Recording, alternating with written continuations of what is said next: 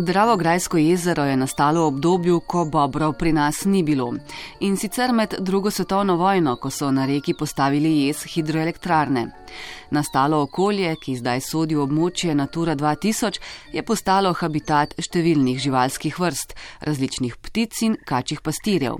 Zadnja pridobitev tam pa je bobar. Bobri so se na Dravograjskem jezeru prvič pojavili tam leta 2005-2006 kar nas je izredno presenetilo. Še bolj pa nas je presenetilo to, da tega nismo pazili sami, ampak so nas na to obvestili domačini.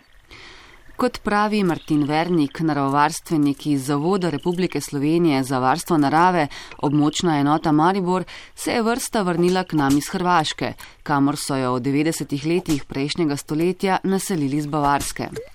Evrazijski bobar je bil namreč pred 200 leti razširjen po vsej Evropi in delu Azije, a sta ga lov in preganjanje pripeljala na rob izumrtja, v Sloveniji pa še čez.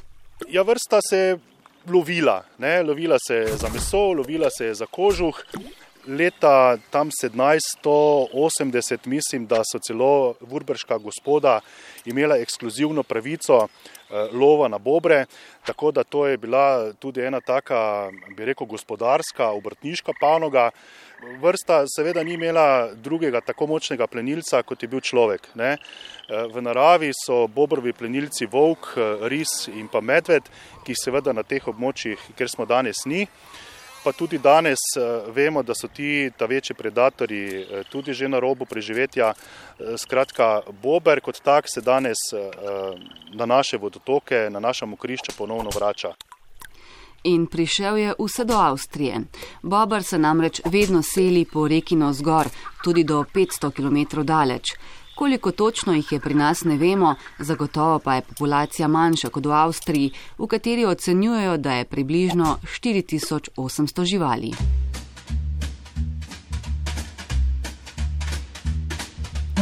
Bobar je sicer drugi največji glodalec na svetu, tehta lahko do 35 kg, večja je le južnoameriška kapibara. Poleg evrazijskega poznamo še kanadskega, ki naseljuje Severno Ameriko. Je monogamna žival, to je pri glodavcih posebnost. Ena družina potrebuje približno 10 hektarjev zemlišča in sicer 20-metrski pas ob vodotokih. V glavnem videvamo v naravi bobrove sledi. E, najdemo tudi tu pa tam kakšno bobrišče, drugače je pa to nočna aktivna žival in je dejansko celotne osebke ene populacije na nekem območju, ene bobrove družine, težko prešteti. Vemo pa, da šteje tam nekje od 2 do 14 osebkov.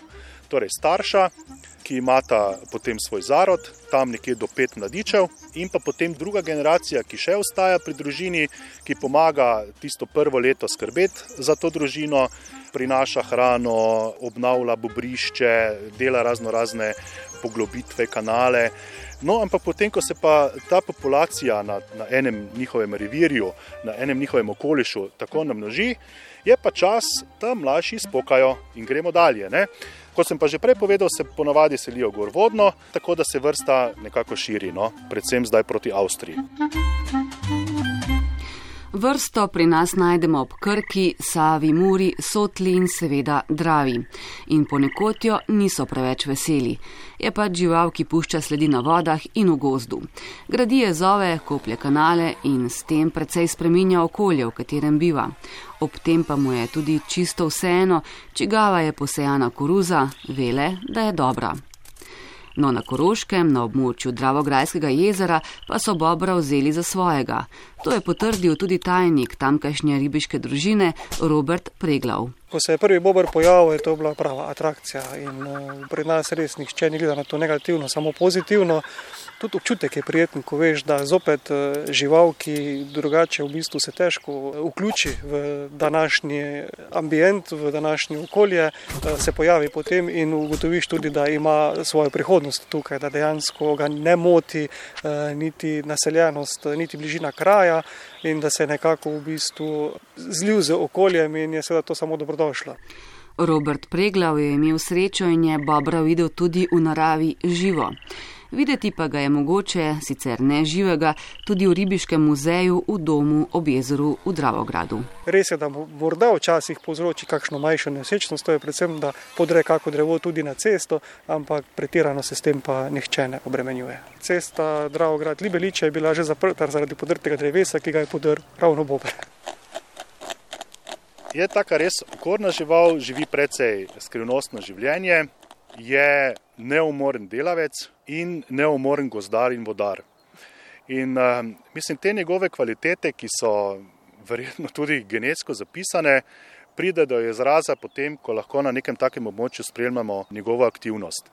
Kako ustvariti nekomu krišče, mislim, to je res izjemno pametna žival, ki skratka svoje delo absolutno ovlada skorda boljše kot pa človek, ki včasih pa nima prav občutka za to, kako je potrebno naravi pustiti svojo pot.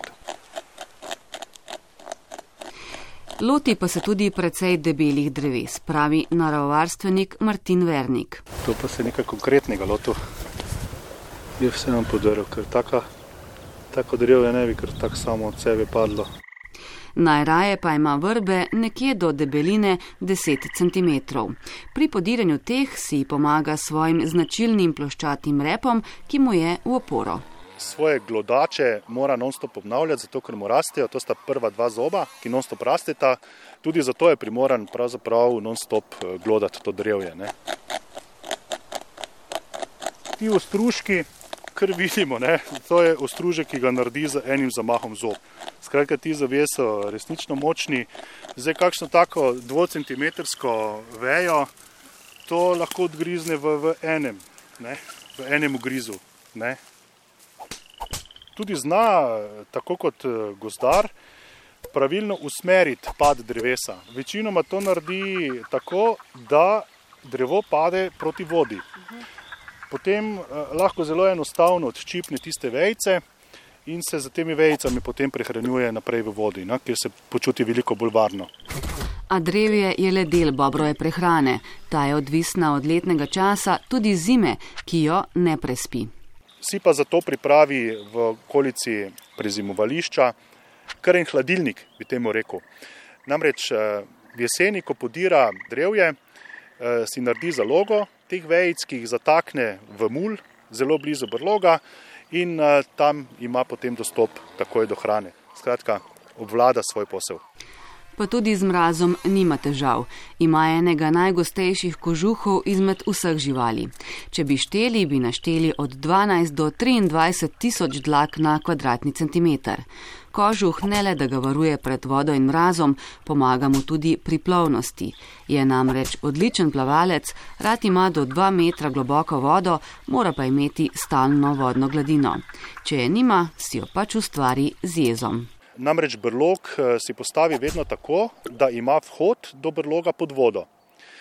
Ponavadi, če ga ne more narediti v brežino, si na brežino znosi vejce, hlode in si ustvari takšno grmado, vedno si pa vhod naredi pod vodno gladino, osrednji del bobrišča pa je na suhem. Ne? Tam pa potem samica eh, koti in vzreja mladiče, dokler pač ne začnejo izhajati iz brloga.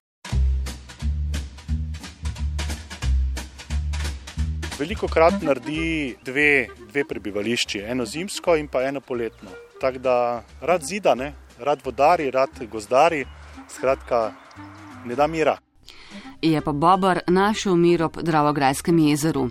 Na peš poti črneče Dravograd na desnem bregu Drave že nastaja prva, če ne kar edina učna pot o Bobru, Bobrček. Ideja je zrasla na osnovni šoli neznanih talcev in upajo, da se bo po njej mogoče sprehoditi že pred koncem leta. In ko se bo, pravi Martin Vernik, naravovarstvenik iz Zavoda Republike Slovenije za varstvo narave, območna enota Maribor, po poti nikakor ne hodite brez fotoaparata in daljnogleda. Thank you.